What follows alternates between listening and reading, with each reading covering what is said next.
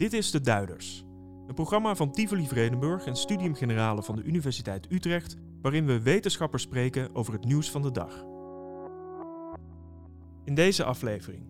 Hoe eerlijk is ons vluchtelingenbeleid?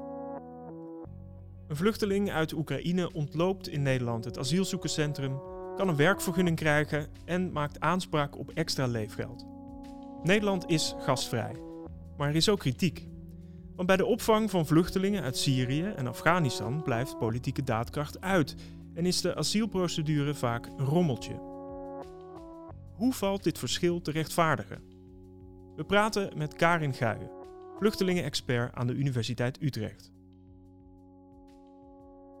Karin, welkom. Dankjewel. Fijn dat je hier bent.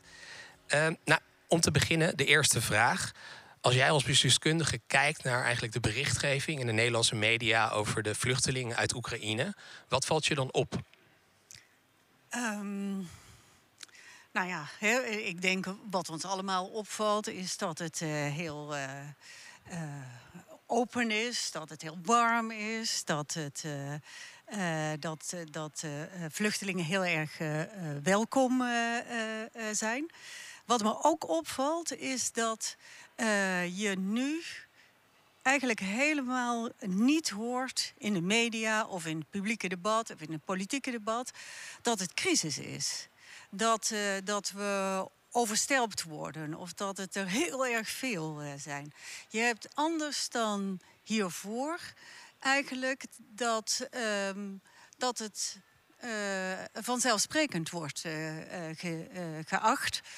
Dat, dat het vanzelfsprekend lijkt om mensen op te vallen, vangen. Ook als dat hele grote aantallen zijn. En als je dan kijkt naar hoe dat eerder was, toen um, er net zoveel of misschien nog wel minder vluchtelingen naar Nederland kwamen. Toen was dat eigenlijk heel anders. Hè? We hebben als je ver terugkijkt naar de jaren negentig, mm -hmm. toen de Balkanoorlogen er uh, waren. Toen waren er in het begin waren er he, uh, sowieso 15, 20.000 uh, vluchtelingen per jaar. En op een bepaald moment, zo midden jaren negentig, toen waren er iets van, in mijn hoofd iets van 43.000. Nou, dat was echt paniek. Dat was een flinke crisis. Je had toen op en, en zijn dat op dit moment zijn dat vergelijkbare aantallen? Je hebt nu, eh, in die, in, nu heb je bij die Oekraïners, mm -hmm. wordt er uh, rekening gehouden met dat er in de eerste uh, in, de, in de eerste golf, eerste, mm -hmm. eerste regel uh, van, uh, van mensen, dat er nu rekening wordt gehouden in Nederland met 50.000 mensen. Mm -hmm. De Syriërs, toen, die, toen dat op zijn hoogtepunt was, die crisis van de Syriërs, waren er 48.000 mensen die naar Nederland kwamen. Eén jaar is dat, is dat geweest. Mm -hmm. En nu wordt er rekening gehouden met dat dat maar de, het eerste, de eerste aantal is. is. En destijds was dat de hoogste piek. Toen werd er enorm over crisis gesproken, mm -hmm. terwijl dat nu helemaal niet zo is. En uh, dat, ik vind dat opvallend, dat en, en uh, nog in ook... de media, nog in het publieke debat dat, uh, dat gebeurt. En heb je daar ook een verklaring voor of een idee waarom dat is? Waarom dat bijvoorbeeld ook in de politiek al niet op die manier wordt benoemd?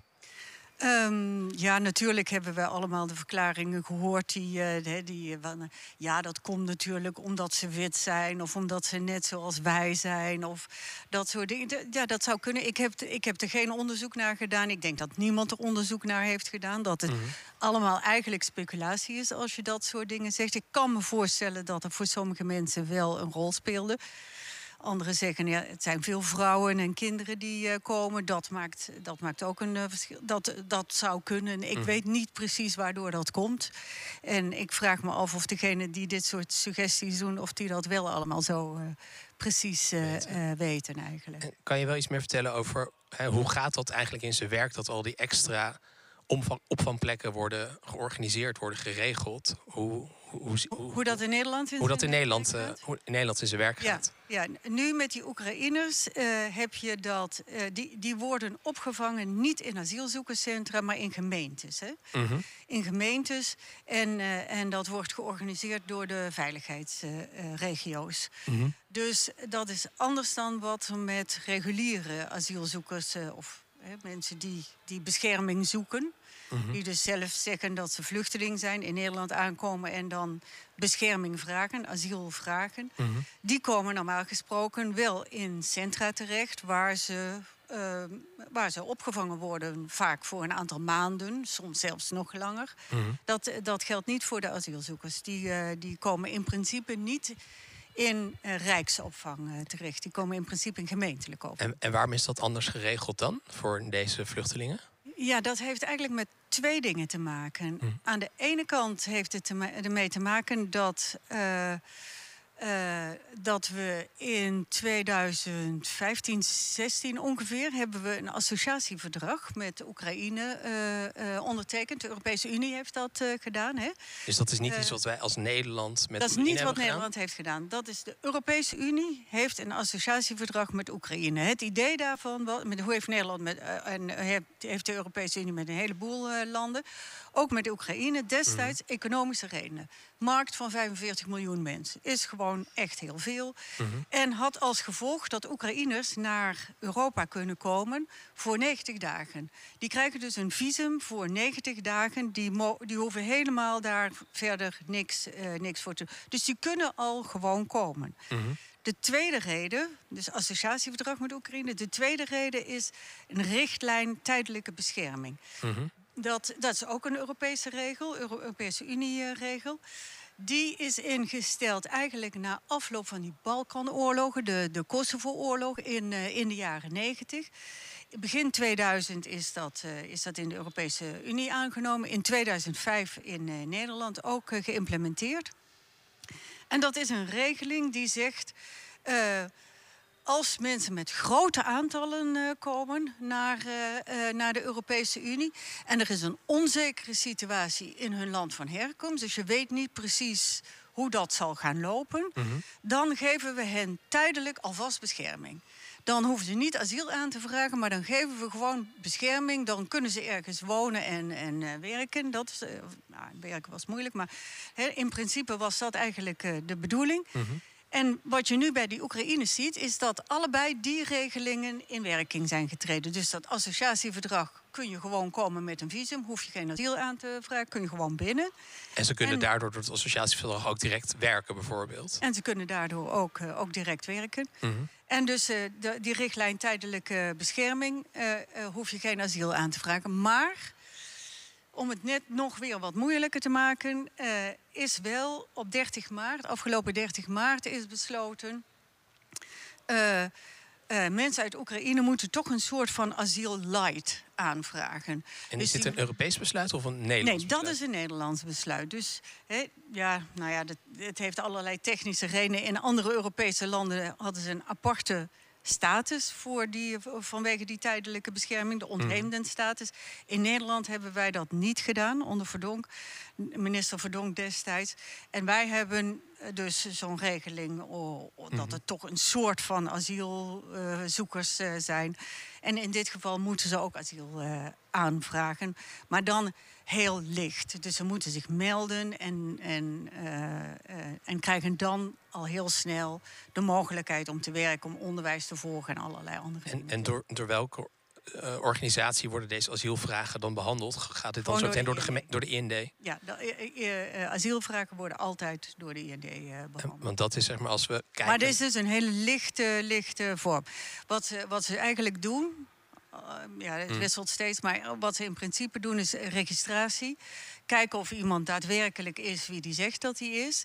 En dan niet eh, dat hele verhaal wat bij andere asielzoekers altijd daarna is. Van waarom ben je gekomen? Klopt dat wel allemaal? Is dat eigenlijk eh, een, een redelijk verhaal? Mm. Die hele beoordeling, die niet. Alleen dat eerste stuk. Misschien is dat wel goed om dat nu ook een beetje uit te leggen. Want hoe ziet dit wat je nu schetst, is eigenlijk de reden waarom Oekraïners hier dus relatief snel opgevangen Ja. kunnen worden. En dat heeft dus te maken met die verdragen. En hoe ziet dit proces eruit dan voor vluchtelingen uit Syrië of Afghanistan of Jemen? Zeg maar, hoe, die komen hier en Ja. hoe ziet dat eruit? Ehm, nou, eh, eh, als je dan hier, eh, hier eh, aankomt, dan. ehm, ja, dus de formele eh, procedure. Mhm. dan ben je ergens aangekomen, vaak ergens in de Europese Unie. Mhm. Eh, eh, dat kan zijn met een boot, hè, via bijvoorbeeld via de Middellandse Zee. Dat kan zijn over bergen, nou ja, noem maar op. En op een bepaald moment kom je dan in, in Nederland aan. Het kan ook zijn dat je rechtstreeks in Nederland aankomt, maar ja, vrij lastig. Mhm. Ehm, en dan vraag je asiel aan in, in een centrum wat daar speciaal voor bedoeld is. Bijvoorbeeld in Ter Apel mhm. is dat vaak, hè, in Noord-Groningen ver weg. Daar blijf je een tijdje. Daar krijg je dezelfde dingen, worden je gevraagd als, als hier. Mm. Dus voor de, voor de Oekraïners. Wie ben je? Kun je dat bewijzen dat je dat bent? Enzovoort, enzovoort. En dan komt er een fase waarin je asielverhaal in een gehoor... dus in een formele situatie, getoetst wordt. Dus dan vraagt een ambtenaar van de IND, Immigratie- en Naturalisatiedienst, jou van... nou, waarom ben je vertrokken? Waarom denk je dat je bescherming nodig hebt mhm. hier? Waarom ben je niet in je eigen land gebleven? Nou, en dan vertel je wat er gebeurd is. En daar wordt dan heel diep op doorgevraagd. Je hebt dan wel rechtsbijstand daarbij, maar er wordt heel diep op, uh, op doorgevraagd. Van mhm. klopt dat allemaal wel? Kun je dat uh, aannemelijk maken aan de hand van documenten of andere bewijzen die je daarvoor hebt? Weet je, mhm. we, we geloven je niet op het eerste gezicht. Dan wordt er, wordt er een verslag van, uh, van uh, gemaakt. En iemand anders bij de IND beslist dan... Uh, klopt dit? Kunnen wij dit accepteren? Mm -hmm. Nou, als dat wordt geaccepteerd, dan, dan is dat prima. Dan, in de tussentijd woon je in een, in, een, zo, ja, in een opvangcentrum. Vrij grootschalig over het algemeen. Want in Nederland is de procedure en de opvang met elkaar verbonden. Mm -hmm. Als dat wordt geaccepteerd, nou, fijn dan uh, dan uh, klaar. Dan uh, blijf je een tijdje in het asielzoekerscentrum wachten totdat er ergens een, een huis komt. En dan word je daar geplaatst. Dus dat kun je niet kiezen, maar dan word je geplaatst.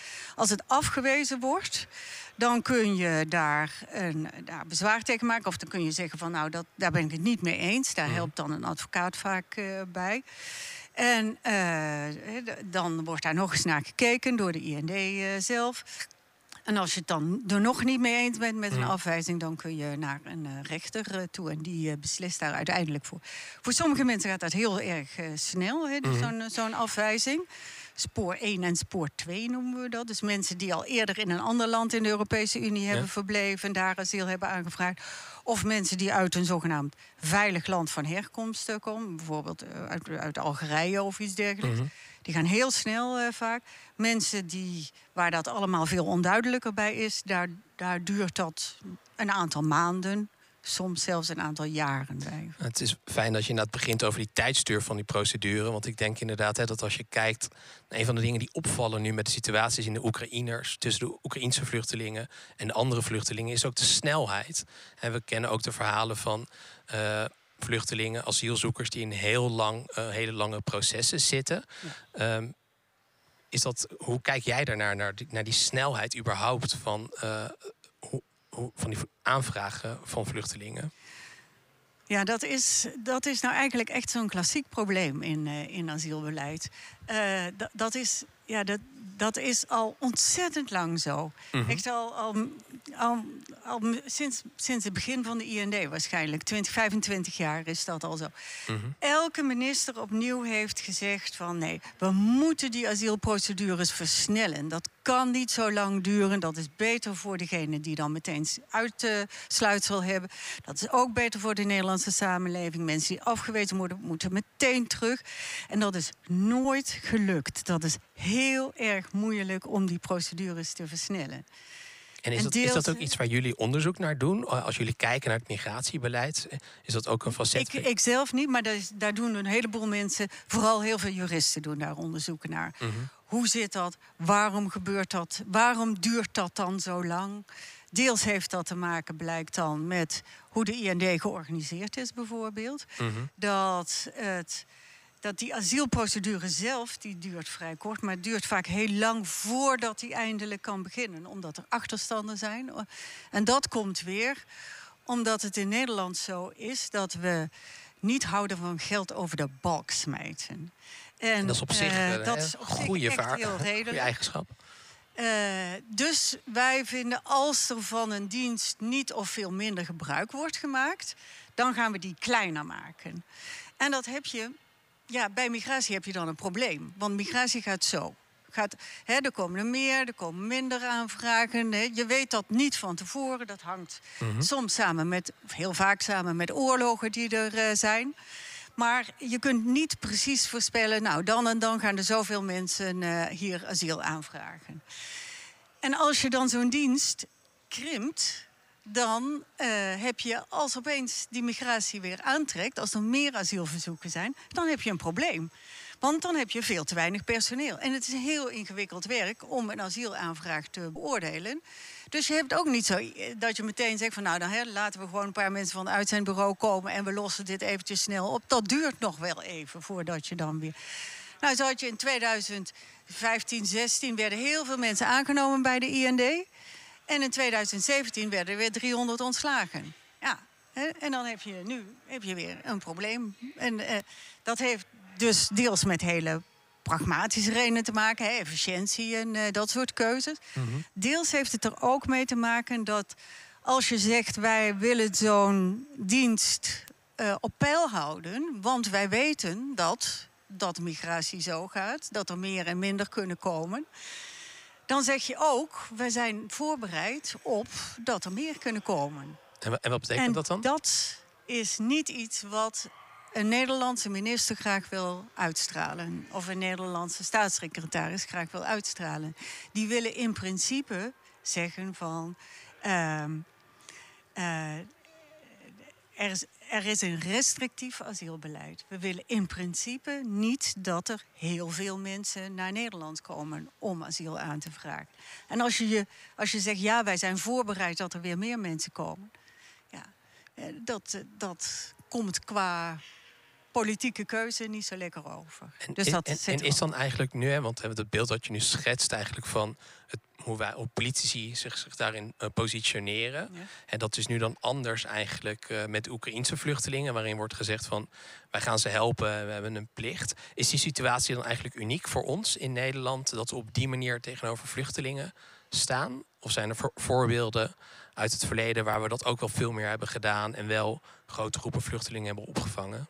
Ja, zeker hebben we grote groepen vluchtelingen. Ja, he- heel erg lang geleden, meteen na de, eh, even in, de, in de Eerste Wereldoorlog, hebben we iets van ruim een miljoen eh, Belgische vluchtelingen opgevangen. Ook Mhm. bij mensen thuis. En, eh, dat was in het begin ook enorme open armen. En eh, helemaal van ons broedervolk. hè. Een beetje wat je nu in, in Polen ziet.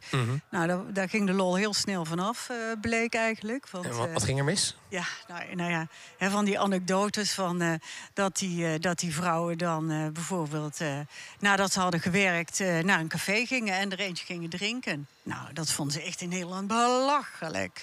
Met liederlijk gedrag. Dus daar waren ze helemaal niet happig op eigenlijk eh, toen. Maar we hebben daarna natuurlijk ook eh, gro- grote aantallen. We hebben in, in de, dus tijdens de Balkanoorlog natuurlijk Balkanoorlog, ja. Syriërs, heel veel Syriërs op. En, en deels ook wel met open armen hoor. Deels echt wel. Je zag heel veel initiatieven van allerlei mensen, kleine initiatieven, taalscholen, kookworkshops, eh, noem maar op. Allerlei dingen die echt ook toen voorkwamen. Ook gastgezinnen bijvoorbeeld. En want dat, dat is een beetje wat ik me afvraag. Hè, als we dit dan eerder dan eens wel hebben gedaan. En we hebben in onze geschiedenis voorbeelden dat we dit ook hebben gedaan. Eh, zijn er dan ook bepaalde lessen die we kunnen trekken uit de periodes dat we dat toen hebben gedaan, wat beter werkt en misschien minder goed werkt in het opvangen van vluchtelingen, die een plek geven in de samenleving. eh, wat we daarin anders kunnen doen dan dat we misschien nu doen. Ja, ehm, nou, je moet er wel je mo- moet je realiseren dat al die initiatieven, Mhm. eh, dat waren voor een groot gedeelte burgerinitiatieven. Natuurlijk ook van allerlei eh, niet-governementele organisaties. Vluchtelingenwerk heeft er allerlei goede dingen in gedaan. Maar heel veel burgerinitiatieven. In de context van een restrictief asielbeleid. Mhm. Dus het was niet zo dat dat echt door de overheid heel sterk gedragen eh, werd. Dus wat je bijvoorbeeld zag in, eh, bij de Balkanoorlog... en, en ook bij de, eh, toen, toen die grotere aantallen Syriërs eh, kwamen, gastgezinnen... dat waren particuliere initiatieven. In, bij die Balkanoorlog nog wel ook gedragen door, door vluchtelingenwerk. Maar bij die Syriërs kreeg je bijvoorbeeld een organisatie als Take, Take Care BNB. Ik denk dat sommigen van jullie daar wel van, uh, van uh, gehoord hebben. Echt een burgerinitiatief. Mensen die zeiden van nou, hè, al die mensen die zo lang in zo'n asielzoekerscentrum zitten te -hmm. verpieteren, hè, laat die bij mensen thuis een paar maanden uh, verblijven. Kunnen ze alvast een beetje gaan integreren. Eigenlijk een hartstikke goed idee. Mm -hmm. Ook heel, ook heel dingen natuurlijk hartstikke fout uh, gelopen. Maar datzelfde, daar zie je wel dat daar nu echt op doorgebouwd uh, wordt. Hè. Dat idee van die gastgezinnen, dat wordt ook nu weer gedaan. Maar dan dat toch, en wordt met de overheid. Met de overheid. Ja, met de gemeentes. Met de gemeentes. Ja. Ja, dus dat soort dingen die worden echt wel opgepakt. Want dat we bijvoorbeeld ook op het voorbeeld hè, dat je nu ook in de nieuws las dat bijvoorbeeld heel veel Oekraïense kinderen al les kregen of dat ze echt meededen in schoolklassen. Ja. Uh, terwijl natuurlijk ook heel veel verhalen kennen dat het niet gebeurt en dat kinderen vijf jaar of uh, jongeren vijf jaar in een opvang zitten en pas daarna uh, naar school toe kunnen. kunnen. Is, is, is, hoe belangrijk is dat? Of ik zie je schudden, klopt ja, dat niet helemaal? Dat is niet helemaal waar. Kinderen hebben altijd recht op uh, onderwijs. Mm -hmm. Ook in Nederland, dat is gewoon een mensenrecht. Dat, is, dat ben je verplicht om te doen. Hè. Je kunt niet als land zeggen van, uh, nou, dat doen. Hè, natuurlijk, er zijn landen die dat ook wel weten, dat ze dat moeten doen, maar waar dat in de praktijk niet gebeurt. In Nederland gaan kinderen in principe naar school toe. Daar zijn wel verschillende vormen van uh, onderwijs, maar jongere kinderen die gaan naar school. De, de leerplichtige leeftijd, dat, uh, dat uh, blijft. Maar als je iets ouder bent dan dat, vanaf 18 jaar... en mm -hmm. zelfs als je je opleiding dan echt niet af hebt... Mm -hmm. dan, en je hebt geen, uh, je hebt geen asiel gekregen, dus geen formele bescherming gekregen... dan moet je ophouden. Dan is je recht op onderwijs houdt op. En daar zijn we dan weer wel vrij streng in. Ja. ja. Maar in principe dus uh, jonge kinderen wel hoor. Mm -hmm. dat, uh, dat zo vooral. Ja. Oké. Okay. Um, ja, hey, we hebben het nu gehad een beetje over het vluchtelingenbeleid in het algemeen. Uh, jij doet daar veel onderzoek naar. Um, een van de onderzoeksprojecten waar je bij bent betrokken is Welcoming Spaces. Kan je daar iets meer over vertellen? Wat, wat jullie daar, het, het idee achter dat project is en wat jullie daar onderzoeken? Ja. Um, nou, het is een, uh, een onderzoeksproject wat door de Europese Unie gefinancierd wordt voor vier jaar. Uh, en in vijf landen. Wij werken vanuit uh, Nederland zijn we dat begonnen, dat, dat onderzoek. En we werken samen met Duitsland, Polen, Italië en Spanje. En het idee van dat onderzoek is. Um, ja, je kunt wel migranten proberen buiten de Europese Unie te houden. En dat is natuurlijk ook heel lang geprobeerd. Er wordt enorm veel geld in uh, gestoken. Um, je kunt ook kijken op welke manier kunnen nieuwkomers nou onderdeel zijn van het beter maken van allerlei regio's in landen. Ik denk dat de meesten van jullie wel weten dat uh, Spanje en Italië... dat die echt van die totaal leeglopende streken hebben. Hè? Van die bijna ontvolkte uh, dorpen waar, waar heel weinig mensen wonen. Maar ook in Nederland hebben we natuurlijk gebieden waar, waar economisch het achteruit gaat... waar jonge mensen wegtrekken, oude mensen achterblijven. Uh, en ons idee was... Er zijn heel veel nieuwkomers, vluchtelingen, ook in Nederland en in, die, in die andere landen, die uh, kunnen werken, die ook altijd willen werken. En er zijn mensen in die ontvolkende gebieden, of die, die economisch uh, teruglopende gebieden, die mensen nodig hebben om het bijvoorbeeld in de zorg uh, te kunnen werken. Mm -hmm. En hoe gaat dat nou? Als migranten onderdeel worden van het revitaliseren van dat soort krimpregio's. En dan moet je je voorstellen, eh, zo'n voorbeeld. In, in Zuid-Limburg, de, grens met, uh, de grens over met België en de grens over met Duitsland. Daar heb je een project en dat heet In de zorg uit de zorgen. En dat, dat is een, dus een, een zorgproject mm. waar eh, eh, in, in zo'n krimpgebied waar veel oudere mensen wonen die veel zorg nodig hebben en te weinig jonge mensen die die zorg kunnen leveren. En nu hebben een, uh, een, een paar ziekenhuizen samen met onderwijsorganisaties, MBO's, HBO's en arbeidsorganisaties en begeleidingsorganisaties. Die hebben de handen in, ineengeslagen, samen met met name de gemeente Sittard-Geleen. En die hebben gezegd van, als we nou eens een aantal van die migranten opleiden... om te werken in de ouderenzorg. En dit zijn dan migranten die uh, al die er, status die, al, die er al zijn. Ja. ja. ja. Want veel van die krimpregio's die denken in termen van ja, we hebben meer mensen nodig, wij gaan mensen werven van buiten. Mhm. En deels kan dat natuurlijk heel goed werken, omdat je dan kunt selecteren, omdat je dan uh, specifieke zeggen, kennis en vaardigheden. dat, soort, uh, dat soort dingen, dat kan heel goed werken. Maar die mensen komen meestal tijdelijk. Dus mhm. die, he, die blijven 1, 2, 3 jaar en gaan dan weer terug. Mm kan prima zijn, maar dan moet je steeds opnieuw dus in investeren. Als je investeert in mensen die al hier zijn, dan investeer je voor een langere termijn. En het mes snijdt aan twee kanten, want daarmee is tegelijkertijd ook dat probleem van moeizame integratie van migranten, vluchtelingen, kun je daarmee ook aanpakken. Dus het is echt een soort van innovatie. Het is een soort van win-win situatie die je daarmee En, en heb, zijn er al bepaalde resultaten die je er al over kan delen? Ja, het, het bestaat nog niet zo, uh, zo heel lang. Mhm. En wat je uh, ziet is dat het eigenlijk heel goed loopt. In, uh, op die plek. In ieder mhm. geval echt, echt heel goed loopt. Maar dat er ook behoorlijk wat begeleiding nodig is. En die begeleiding die wordt gedaan door vluchtelingenwerk in die, dus de dingen die niet specifiek zorggericht zijn. Mm maar er zijn heel weinig uitvallers.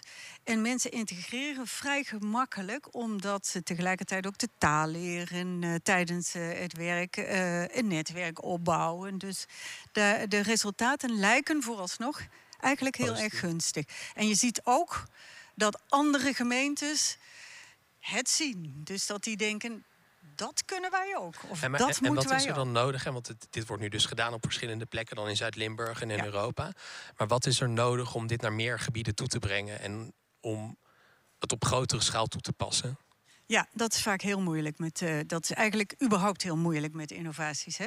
Je hebt um, um, zo'n project moet zelf leren. Moet zelf dus leren wat gaat er fout, wat gaat er goed. En, en dat is al moeilijk. Om te accepteren dat er ook dingen fout gaan. Maar, maar er mm. gaan altijd dingen fout. Het is een, het is een innovatie. Je, je, weet het niet helemaal van tevoren. Je begint met de beste kennis. Maar ehm, eh, eh, sommige dingen blijken in de praktijk anders te gaan dan, uh, dan je had gedaan. Dus zo'n project moet zelf willen leren. Mm Moet ook kennis willen delen. Weet je, sommige projecten zijn heel erg op zichzelf gericht. Ze zijn gewoon leuk bezig met zichzelf. En, uh, en uh, ook niks op tegen hoor. Echt, mm. uh, dus dat is, dat is prima. Maar als je wil dat het opschaalt, dat het ook op andere plekken komt, dan moet je die kennis dus systematiseren, beschikbaar maken. Is dat ook niet een rol die jij als onderzoeker ja, of jij en je dat, team dat, onderzoek zijn, ook hebben? Dat zijn binnen dat onderzoeksproject wat wij hebben, dat Welcoming Spaces programma, proberen we dat precies te doen. Dus bijvoorbeeld uh, met dat in de zorg uit de zorgen zijn we nu bezig om die in contact te brengen met een project in Duitsland en een project in Spanje mm -hmm. en een project in Polen die ongeveer hetzelfde idee hebben. Ook uh, je, hebt, uh, je hebt migranten willen integreren, moeizaam. je hebt mensen nodig in, in de ouderenzorg of in allerlei soorten zorg. En hoe kunnen die projecten nou van elkaar leren? Dat moet je faciliteren. Dat gaat niet vanzelf. Projecten vinden elkaar niet vanzelf. Wat we onder andere doen, is een soort ja, een interactieve kaart maken. Dus we, we hebben uh, projectbeschrijvingen. Mhm. Op allerlei plekken waar je dan op kunt, uh, kunt klikken van, van zorgprojecten of weet ik veel, de, duurzaam toerisme of noem maar op. Mm zodat die ook, ook als wij dat niet doen, in ieder geval met elkaar kunnen uh, uitwisselen, de kennis uitwisselen. En maar dit klinkt wel alsof daarin dan die verantwoordelijkheid uh, voor dit soort innovaties heel erg laag bij, op, de op het uitvoeringsniveau liggen. En dat is best lastig. Uh, en, en wat is er voor nodig ja. om dat dan een niveau hoger te krijgen, op meer het beleidsniveau, op het niveau van Nederlandse overheid, of misschien wel Europese overheid. Ja, ja. Wat, wat je uh, wat we natuurlijk uh, wel weten uit ander soort onderzoek, bijvoorbeeld mm. energieprojecten en zo, is dat die, dat die eerst zelf sterk moeten worden, van elkaar moeten gaan, moeten gaan leren. Mm -hmm. En echt, de kinderziektes eh, moeten eruit. En dan, of, of tegelijkertijd, moeten ze verbindingen gaan leggen met beleidsmedewerkers, met beleidsmakers die daarin geïnteresseerd moeten raken. Hmm. Dus het is deels gewoon een kwestie van lobbyen. Laten zien wat het succes is, laten zien wat de resultaten zijn, in plaats van alleen maar vertellen van, nou, dit is een heel goed idee, ga dat ook doen. Of ga dat mogelijk maken in het beleid. Nee, laten zien werkt enorm veel beter dan. En, ja, en dan, als, dat, als je eenmaal dat verband met beleidsmakers uh, hebt uh, kunnen leggen, mm -hmm. en die zijn geneigd om dat in, om, om dat soort uh, projecten te faciliteren, mogelijk te maken. Mm. In regels en in geld, want dat heb je allebei uh, nodig. Dan kan zoiets een soort van eigen leven gaan leiden. En dan kun je naar een soort van alternatief. Uh, nou ja, alternatief systeem is dan te groot, maar kleine stapjes in de richting van alternatieven uh, gaan ontwikkelen. En dat is inderdaad een achterliggend idee van, uh, van, dat, uh, van dat programma. Laten zien wat werkt, met elkaar verbinden en het contact met beleid. om, het ook echt, om het eigenlijk te verankeren ook. Ja. Ik denk dat dat ook dan aanhaakt op de laatste vraag die ik eigenlijk wil stellen voordat we naar de vragen van het publiek gaan. En ze hebben begonnen eigenlijk met wat is nu de situatie in Nederland met de Oekraïnse vluchtelingen? Wat laat dat zien uh, van ons huidige beleid, wat we daarin kunnen verbeteren? En als jij daar nu over nadenkt, zijn er bepaalde dingen waarvan je denkt, oh, die vallen me nu echt op, hoe we nu omgaan met de Oekraïnse vluchtelingen. En ik zou het heel mooi vinden als we dat meer oppakken, op, ook op de lange termijn. Ja, ja zeker. Uh, ja, als je kijkt naar de, naar de, de, de opvang en de procedure wat, uh, wat we weten eigenlijk heel goed wat de grote problemen zijn met de opvang uh, in, uh, in Nederland. En waarvan je dus ziet nu, voor Oekraïners geldt dat niet. We weten dat opvang in grote centra heel problematisch is. Zowel voor degenen die daar wonen problematisch als voor de buurten problematisch. Hoewel dat blijkt eigenlijk dat als je onderzoek daarnaar doet, dat die buurt dat vrij snel eigenlijk helemaal geen probleem meer uh, vindt. Mm. Maar dat is een van de grote problemen. Mensen wonen daar te lang. Uh, mogen niet werken of heel, heel moeizaam uh, werken. Geen, geen opleiding doen, de taal niet leren. Allemaal totdat ze een, een verblijfsvergunning krijgen. Dat weten we dus nu. Bij Oekraïners is dat niet zo. En wat natuurlijk enorm belangrijk is. Dus we weten dat dat maakt het heel moeilijk voor uh, vluchtelingen om te integreren. En voor de Nederlandse samenleving om draagvlak te, te creëren. He, dat dat mm. weten we. Het is allebei, uh, allebei lastig. Daardoor.